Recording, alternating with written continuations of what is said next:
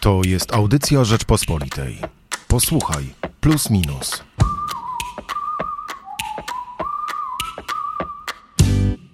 Cyberbezradni, czyli nie być jak Michał Dworczyk. To tytuł tekstu, którym Artur Bartkiewicz otwiera najnowsze wydanie magazynu Plus Minus. Michał Płociński i Hubert Salik.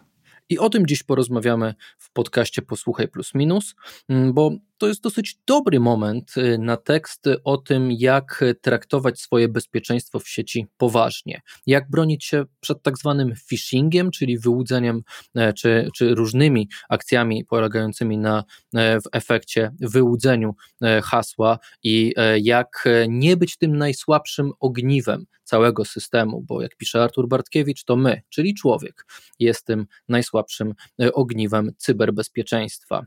Mm, myślę, że pewnie wielu ludzi, którzy normalnie takich tekstów, e, do takich tekstów e, nie zaglądało, e, którzy unikali tematu w ogóle cyberbezpieczeństwa czy, czy internetu, bo to jest zbyt poważne, bo to jest, nie wiem, nudne, bo to ich nie interesuje, to dzisiaj w kontekście cyberataków na ważnych polskich polityków, można nawet powiedzieć, że na, na państwo polskie, to dzisiaj do takiego tekstu podejdą z większym zainteresowaniem ci, którzy wcześniej by go nie przeczytali, dzisiaj może nie dość, że go przeczytają, to jeszcze e, wcielą w życie też te rady, e, które eksperci od cyberbezpieczeństwa e, podają w tekście Artura Bartkiewicza. Jak myślisz?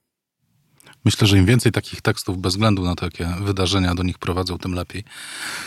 I myślę tak już od bardzo dawna, od dwóch dekad, e, powtarzamy to też w Rzeczpospolitej i w wielu różnych tytułach prasowych. No, teraz sytuacja w ciągu tych ostatnich kilkunastu lat o tyle się zmieniła, że znacząca część naszego codziennego tak naprawdę życia trafiła do internetu. E, choćby dwa bardzo ważne i też ważne z punktu widzenia bezpieczeństwa składniki e, naszego życia, czyli przede wszystkim komunikacja, bo praktycznie cała komunikacja, oprócz połączeń głosowych, e, przeszła do internetu. Mówimy tu zarówno o mailach, jak i o, e, jak i o jakiegoś różnego typu komunikatorach. A drugi ważny element, który e, jest chyba najważniejszy z punktu widzenia bezpieczeństwa, tak naprawdę mm, bankowość stała się głównie internetowa. Wiesz, nie chcę bronić e, w żaden sposób e, Michała Dworczyka czy innych polityków, e, mm, którzy no jednak popełnili wiele błędów, bo od ministrów, od ludzi, którzy jednak zarządzają państwem i to państwem średniej wielkości, dosyć bogatym jak Polska, oczekuje tego, że będą, że będą cyberbezpieczeństwo traktować poważnie, szczególnie w 2021 roku po tych wszystkich atakach, nie wiem, rosyjskich na Stany Zjednoczone, na Estonię. Wiemy, że jesteśmy państwem, które mm, jednak żyje w takim ciągłym zagrożeniu e, różnej infiltracji przez służby, hakerów i tak dalej, więc e, jak najbardziej e, ochrona taka też cyberwywiadowcza powinna być w Polsce większa, a ministrowie, e, nawet szef kancelarii prezesa Rady Ministrów nie powinien korzystać z e, prywatnej, darmowej, ogólnodostępnej skrzynki na WP.pl do prowadzenia poważnej, e,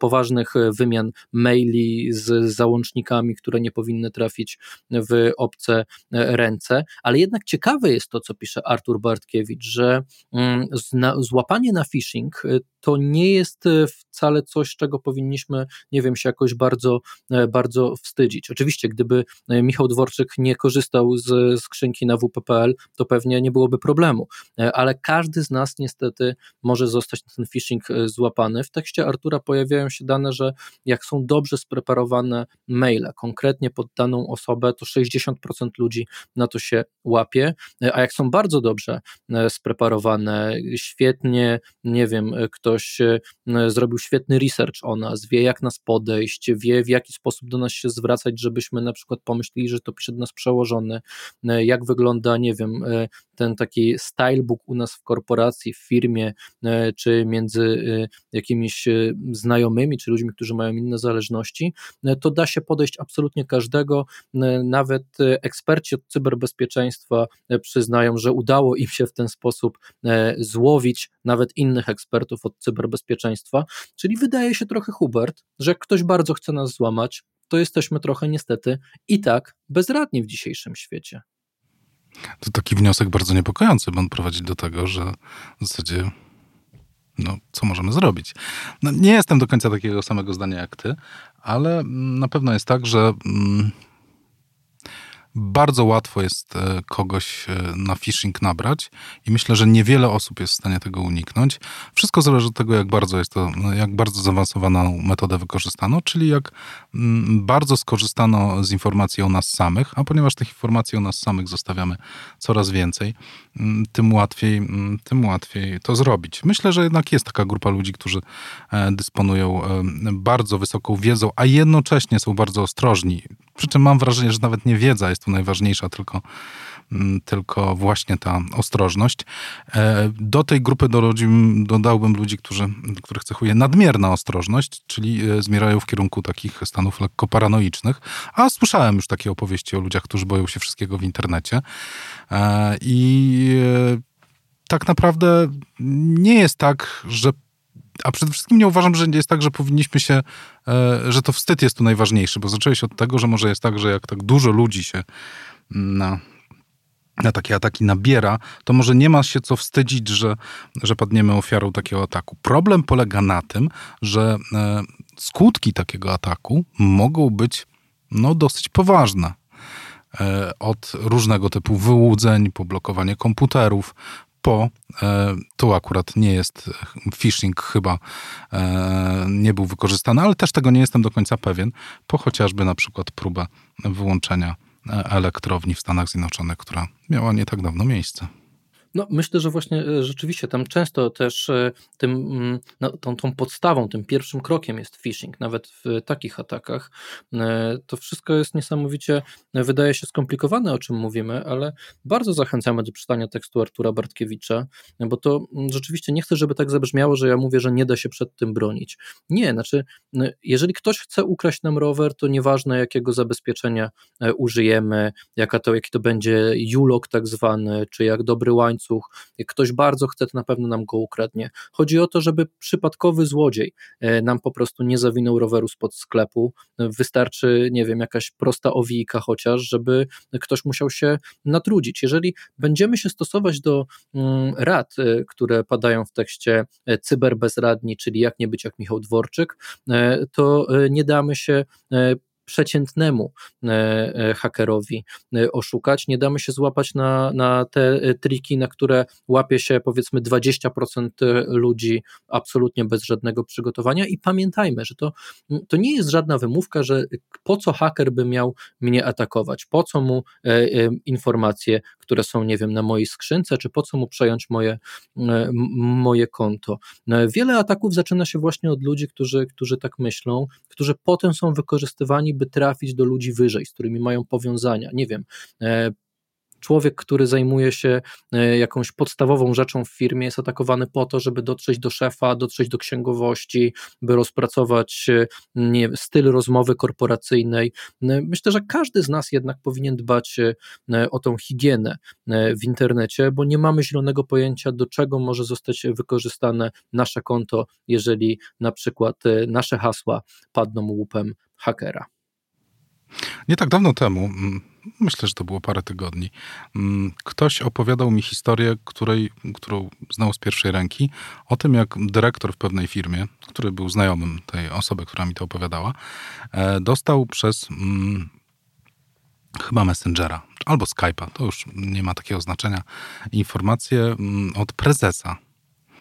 E, czy mógłby a nawet nie, to chyba był mail. E, czy mógłby e, kupić szybko e, mm, zdrabki w zdrabki do aplikacji, już nie pamiętam jakiej, jakiej firmy, chyba Google'owe takie zdrabki, w Empiku, bo jest jakaś impreza i trzeba szybko te zdrabki mieć i potrzebuje tego prezes. No on odpowiedział, że oczywiście jak prezes prosi, to on pójdzie do Empiku i kupi te zdrabki. Ale ta rozmowa się ciągnęła, bo nagle się okazało, że tych zdrapek ma być 500, e, wartość ich razem to kilkanaście tysięcy złotych i w pewnym momencie tenże dyrektor zaczął się zastanawiać, ale zaraz, zaraz, czy na pewno to jest mój prezes? E, po co nagle mam kupować zdrabki za kilkanaście tysięcy złotych w Empiku? To jest prawdziwe zdarzenie sprzed miesiąca w Polsce. E, więc zastanawiając się, ostatecznie zaczął zadawać jakieś pytania swojemu rozmówcy i ten rozmówca nie był w stanie na nie odpowiedzieć. I w tym momencie mm, ta rozmowa się zakończyła. On nie kupił w Empiku tych, tych zdrapek, ale tak, udało się włamać na skrzynkę prezesa, udało się z tej skrzynki prezesa e, spróbować wyłudzić informacje od dyrektorów, e, bo dyrektorzy często mają dostęp do kart kredytowych i mogą taką operację e, przeprowadzić. E, oczywiście na końcu trzeba było jeszcze podać numery tych wszystkich kart przez maila, tych zdrapek, żeby to wykorzystać e, w celach jakichś tam, jakich przestępca miał nadzieję to wykorzystać mm, co najbardziej wzbudziło podejrzenia tego dyrektora. I to pokazuje, że takie rzeczy się dzieją i są dosyć nieźle wykoncypowane, tylko mają jakieś tam luki e, logiczne, ale znalezienie tych luk logicznych nie jest wcale takie, takie łatwe. E, I no, to jest mniej spektakularny przykład zdarzeń e, z Michałem Dworczykiem. Nie doszło tutaj do kradzieży, ale sytuacja była bardzo temu bliska. No i myślę, że w wielu firmach, e, w firmach, w których pewnie pracują nasi słuchacze, e, na, począt, na porządku dziennym są różne próby wyłudzenia czy, czy ataków. E, rozmaite firmy, agencje, które zajmują się właśnie cyberbezpieczeństwem czy szkoleniami, od początku pandemii ostrzegają, że Polska i polskie różne branże, bankowa, branże, nie wiem, związane z księgowością i tak dalej, stają się celem ataków także, nie wiem, ransomware, czyli takich szantaży, e, blokowania różnych danych, jak na przykład w Stanach Zjednoczonych ten e, słynny e, rurociąg, którym transportowana jest ropa z Teksasu na wschodnie wybrzeże i że coraz poważniejsze nawet grupy hakerskie, takie, takie prawdziwe, z prawdziwego zdarzenia, interesują się polskimi firmami, niekoniecznie firmami bardzo dużymi, bo tu chodzi o to, żeby, nie wiem, dostać kilkaset tysięcy złotych okupu bardzo szybko i zaatakować wiele takich średnich firm. No myślę, że, że wielu nawet naszych y, słuchaczy nie zdaje sobie sprawy, że, że ich firmy na przykład w ostatnim czasie mogły paść, chociaż, y, mm, chociaż ktoś próbował je zaatakować. Może nie zawsze to się e, prawda e, udaje. Myślę, że powinniśmy szczególnie dzisiaj, szczególnie po takich wydarzeniach, kiedy się wreszcie zrobiło o tym e, głośno, bo to jest największy plus tej sytuacji, że o tym rozmawiamy, że media od dwóch tygodni non-stop mówią o cyber cyberbezpieczeństwie. I powinniśmy dzisiaj naprawdę wziąć, e, podejść do tego po prostu poważnie, bo, bo jeżeli mamy szansę dzisiaj czegoś się dowiedzieć, mamy szansę zmienić swoje przyzwyczajenia, to jeżeli tego nie zrobimy, no to sami ponosimy odpowiedzialność za przyszłe zdarzenia. Dostaliśmy taką okazję, że naprawdę możemy teraz się przyjrzeć własnym, wyuczonym zachowaniom z tekstu Artura Bartkiewicza, nie wiem, można się dowiedzieć na przykład, że e, dobrym rozwiązaniem jest pewnie zainstalowanie jakiegoś menadżera haseł, bo problemem są właśnie tutaj hasła, że jak wyłudzisz jedno hasło, to możliwe, że ono będzie pasowało do kilku innych kont. Może warto zainstalować sobie takiego menadżera haseł i to już jest bardzo duża zmiana w naszych codziennych nawykach, jeżeli chodzi o e, cyberbezpieczeństwo i przeciwdziałanie właśnie tej cyberbezradności. A jest jeszcze, Hubert, jedna kwestia, na którą myślę można zwrócić uwagę, czyli sam Michał Dworczyk, który stał tutaj się no niestety ofiarą, ale też no, myślę, że to zaważy jednak na pewnej opinii o nim. Pan, podczas pandemii, szczególnie jeżeli chodzi o akcję szczepień, za którą pan minister był odpowiedzialny, Michał Dworczyk no, urósł na jednak polityka najwyższej rangi. Mówiono o nim, że jest takim nawet antysasinem, prawda, że za co się nie weźmie, to, to, to, to, to się udaje, że szczepienia są naprawdę dobrze w Polsce przygotowane. No, słyszałem ciągle ochy i achy nad Michałem Dworczykiem w ostatnich miesiącach, a tutaj nagle, jak za dotknięciem czarodziejskiej różdżki, sytuacja się absolutnie odwróciła o 180 stopni i dzisiaj o Michale Dworczyku mówi się jako ciapie, jako osobie bezradnej, jako osobie, która dała się nabrać, która e, jakby wyciek informacji z jego konta pokazał e, właśnie te ciemne strony e, walki z pandemią i on się staje powoli synonimem nieudolności. To też jest bardzo ciekawa zmiana, myślę. E, wiesz co, ja bym tutaj akurat do personaliów mm, tak bardzo się nie odwoływał. Między innymi dlatego, że mm, jest trochę tak, jak powiedziałeś, ja się z tym zgadzam. Trochę w mniejszym zakresie niż mówiłeś, ale jednak e, z tym, że e, większość ludzi może paść ofiarą ataku phishingowego. Ta większość jest znacząca. Myślę, że e, w zależności od tego, jak bardzo jest on skomplikowany, wyrafinowany, jak daleko korzysta z naszych danych, to, to jest parę procent ludzi, którzy mogą, e, mogą tego uniknąć w zależności od zaangażowania. Więc Michał Dworczyk padł ofiarą E, sytuacji, w której mm, mogłoby się znaleźć wiele, wielu z nas i mm, dobrze byłoby po prostu unikać powtarzania takich błędów. Natomiast e, bardziej interesuje mnie tutaj chyba, wydaje mi się bardziej interesujący niż personalny wątek, wątek e, państwa, o którym też przez chwilę wspomniałeś, bo tutaj z tym polskim cyberbezpieczeństwem my w ogóle jesteśmy mm, trochę takim schizofrenicznym społeczeństwem. Takie mam wrażenie. Z jednej strony wymagamy, żeby państwo dostarczało nam wszystko i żeby to państwo było pewne i stabilne, e, wszystkie te mm, wymogi bardzo dużo kosztują. Cyberbezpieczeństwo jest no, bardzo drogą branżą, jeśli można tak powiedzieć, e, bo no, do tego trzeba specjalistów. Tych specjalistów nie ma wielu, do tego trzeba podejść poważnie, do tego trzeba, potrzebne są szkolenia, e, infrastruktura, zabezpieczenia, ludzie, którzy to nadzorują, którzy się na tym znają. Tymczasem, z, z, tymczasem mamy do czynienia z rządami. Nie mówię teraz o rządach PiSu, bo moim zdaniem było tak samo w poprzednich rządach, które troszkę te sprawy bagatelizowały. To jest w ogóle cecha ogólna. E, sytuacje, w których e, państwo ciągle na czymś oszczędza i większość z haseł, nawet wyborczych i później na początku kampanii realizowanych i zwykle, może na początku rządów realizowanych i niedotrzymywanych, dotyczy taniego państwa. Prawda jest taka, że tanie państwo to państwo z tektury. E, I wszyscy, którzy w, ostatnich, w ostatniej dekadzie do, do władzy dochodzili, zapowiadali odchudzanie administracji państwowej, zmniejszanie wydatków, de facto na tym polegli, bo żeby realizować dobrej jakości usługi i żeby zapewnić pewną, pewien, pewną jakość w ogóle działania tego państwa, potrzebne są pieniądze. Z drugiej strony mamy społeczeństwo, które właśnie kładzie nacisk na to, że oni się, ci rządzący, to, to po prostu e, trzepią kasę i e, tak naprawdę ciągle E, kradną, oszukują, takie narracje się zdarzają. E, co chwila wybucha jakaś afera. Tutaj ostatnia była afera maseczkowa dotycząca tych zamówień od handlarza bronią maseczek e, i respiratorów, ale przecież i PO miało swoją aferę hazardową, gdzie starano się najprawdopodobniej, czego nie dowiedziono, ale na to wygląda, ustawić za pieniądze ustawę. Mm, I e, te podejrzenia znajdują co pewien czas jakieś uzasadnienie, co podsyca te podejrzenia.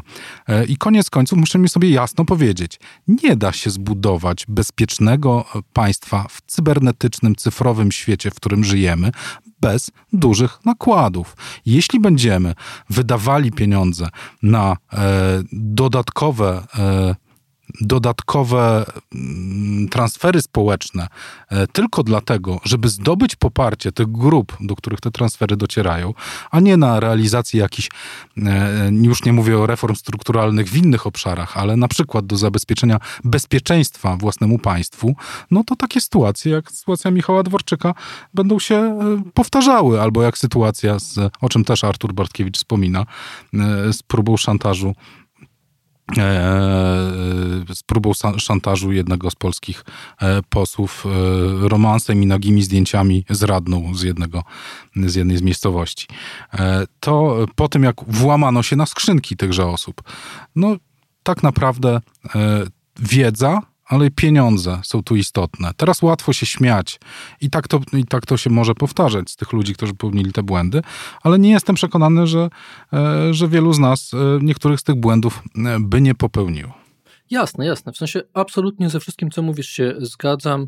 Nie twierdzę, że Michał Dworczyk jakoś, on akurat szczególnie tutaj zawinił. On trochę tak przez przypadek stał się oczywiście tutaj tym kozłem ofiarnym, ale no ale się stał i to za nim się po prostu będzie ciągnęło. Wiesz, że też inni politycy powinni przyjrzeć się tej sytuacji, wyciągnąć z niej wnioski, że można robić naprawdę dużo dobrego, być skutecznym politykiem, nie wiem, starać się nawet własnym wizerunkiem zarządzać w odpowiedni sposób, bo mam wrażenie, że to jest jeden z niewielu polityków w tej chwili PiSu, który rzeczywiście to w ostatnich miesiącach, a może nawet latach robił dosyć skutecznie i miał naprawdę no, nienadszarpnięty do tej pory wizerunek, a mimo wszystko przez to, że nie przykładał dużej wagi do cyberbezpieczeństwa, Myślę, że jego kariera w tej chwili, no na pewno jest jakieś duże tąpnięcie, ale nie sądzę, żeby on się z tego e, wygrzebał, że to już po prostu ta łatka mu, mu w, w, nawet wbrew temu, że on nie, nie był wcale gorszy od innych, prawda, e, polityków. E, ta łatka już po prostu zostanie. A to, co mówiłeś o tanim państwie, no jak jeszcze raz zobaczę gdzieś ofertę pracy dla informatyka w rządowej agencji, gdzie będzie oferowana płaca 3800, a wiemy ile dzisiaj zarabiają informatycy, specjaliści. 6000 to było ostatnie ogłoszenie. Ja widziałem, 3, ja widziałem 3800 ostatnio. Wiesz, no, no to szlak człowieka trafia, prawda? I od razu człowiek ale, myśli, popatrz, że, że, to, to idzie przez... nasza, ale to jest trochę nasza wina, Hubert chce powiedzieć. No właśnie, do tego... Tego z nas, bo to my oczekujemy e, to, ten populizm, e, e, który stosują politycy, że będą odchudzać administrację, że będą zmniejszać podatki, że będą to, że będą tamto, to jest wina nasza, bo to my oczekujemy takich haseł, to my potem głosujemy na partie, które nam tego obiecują i póki my będziemy oczekiwali tego, że będzie coraz mniej biurokracji w świecie XXI e, e, wieku, bez podanych konkretnych rzeczy, bo, bo ja jak najbardziej rozumiem, zgadzam się i też tego oczekuję, żeby była dużo e, większa, znaczy nie, żebyśmy racjonalniej wydawali środki, żebyśmy oszczędzali na rzeczach, które nie są skuteczne, które nie są potrzebne, żebyśmy środki przekierowali do tych segmentów rządzenia, które są dzisiaj istotne, ale niech ktoś przy okazji mówienia o tanim państwie czy tańszym państwie mówi też o tym, co należy wzmocnić i ile będzie zarabiał ten informatyk w rządowych agencjach. Jak najbardziej. E, tym bardziej, że cyberbezpieczeństwo e, jest teraz jednym e, z najważniejszych rzeczy w konfliktach państw. I jak gdyby te państwa, które zignorują obszar cyberbezpieczeństwa, po prostu będą na tym tracić. Zapraszamy Państwa zarówno do kiosków, jak i na stronę www.rp.pl. Hubert Salik i Michał Płociński. Słuchaj więcej na stronie podcasty.rp.pl. Szukaj Rzeczpospolita Audycje w serwisach streamingowych.